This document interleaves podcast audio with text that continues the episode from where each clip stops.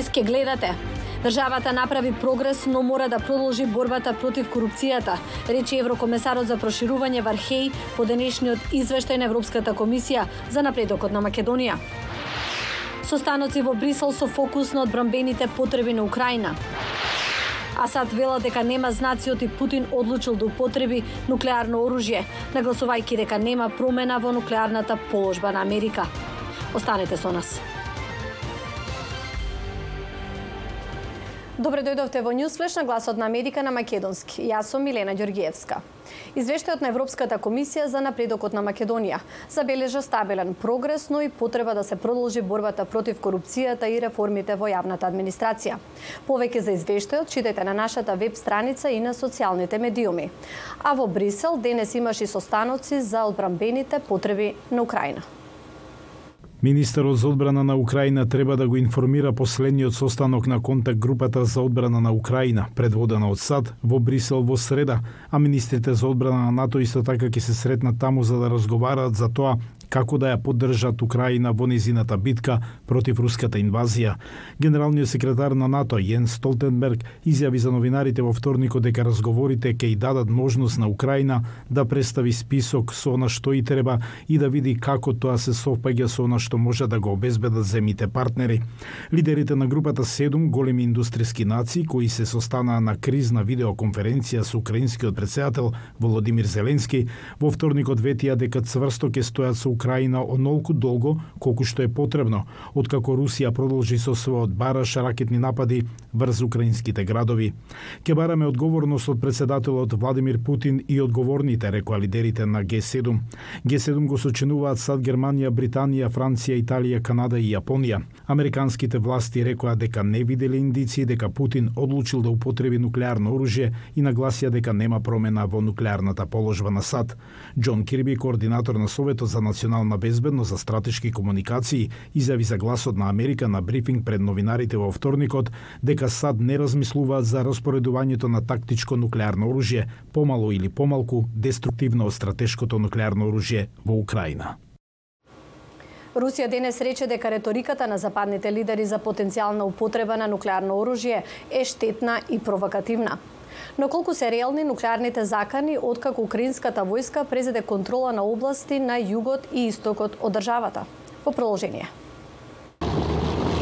Украинските војници ги пробија руските линии во јужниот регион Керсон, ослободувајќи неколку села. Киевските сили сега контролираат населби околу 30 километри зад предходните линии на фронтот. Все поменялось.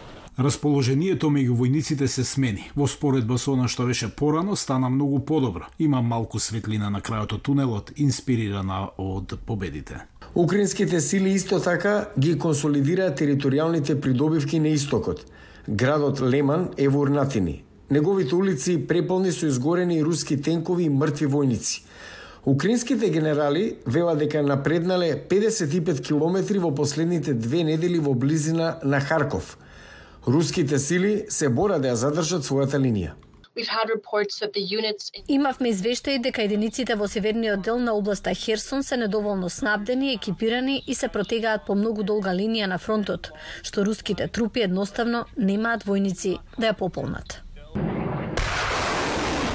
САД најавија дополнителна нова безбедносна помош за Киев во висина од 625 милиони долари.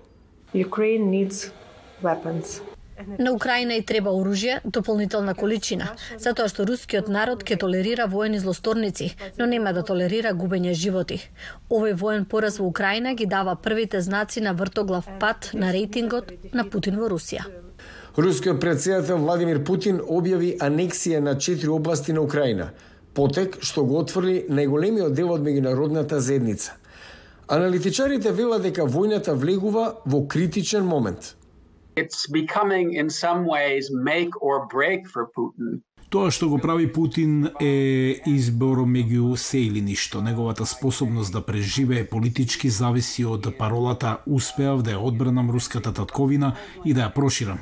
Како ќе се одвива се понатаму никој не знае, но може да се каже дека ова е веројатно најклучниот момент за Путин откако ја превзеде власта пред околу 20 години. Since he took power about 20 years ago.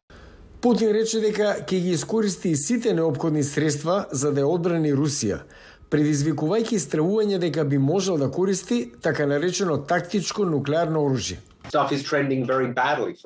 Сега влада е многу лош тренд за Русија. Сега не знам колку лошо треба да биде пред Русија да размисли за употреба на нуклеарно оружје на многу сериозен начин. Не сум сигурен дека Путин сам знае колку лошо би требало да се одвиваат работите за да употреби нуклеарно оружје.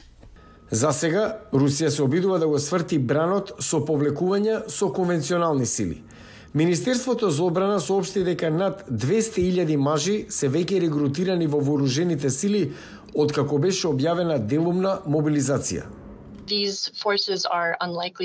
Овие сили веројатно нема да обезбедат какви било дополнителни одбрамбени способности или офанзиви на краток рок. И на долг рок овие трупи веројатно нема да бидат добро обучени или високо мотивирани.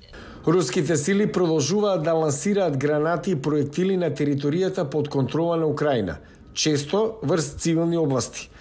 Овој конвој евакуирани кој бега од градот Запорожје беше погоден на 30 септември. Десетици беа убиени, меѓу кои многу жени и деца. Москва немаше коментар за нападот.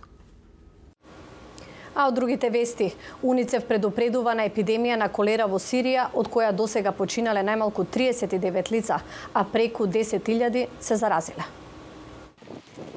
За помалку од еден месец, смртоносната болест колера, која се пренесува преку вода, се расшири во сите сириски провинции и зарази над 10.000 луѓе според Уницев. Милиони луѓе кои живеат во импровизирани кампови на завојуваниот север на државата се во зголемен ризик.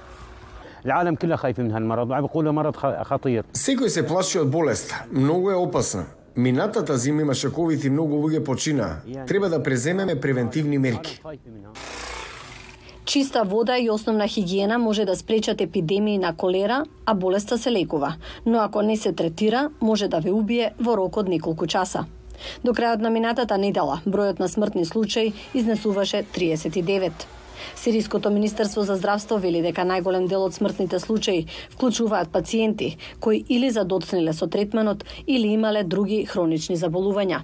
Уницев вели дека војната, недостигот на енергија и сушата ги оставиле речиси половина од сириците зависни од алтернативи и многу често небезбедни извори на вода. Агенцијата вели дека голем дел од водоводната инфраструктура во државата е уништена, а најголем дел од канализацијата е оставена незаштитена. Во провинцијата Идлип, последниот дел од Сирија кој се уште е во војна со владата, нема многу случаи на колера, но жителите и хуманитарните работници велат дека епидемија во оваа воена зона би можела брзо да излезе од контрола.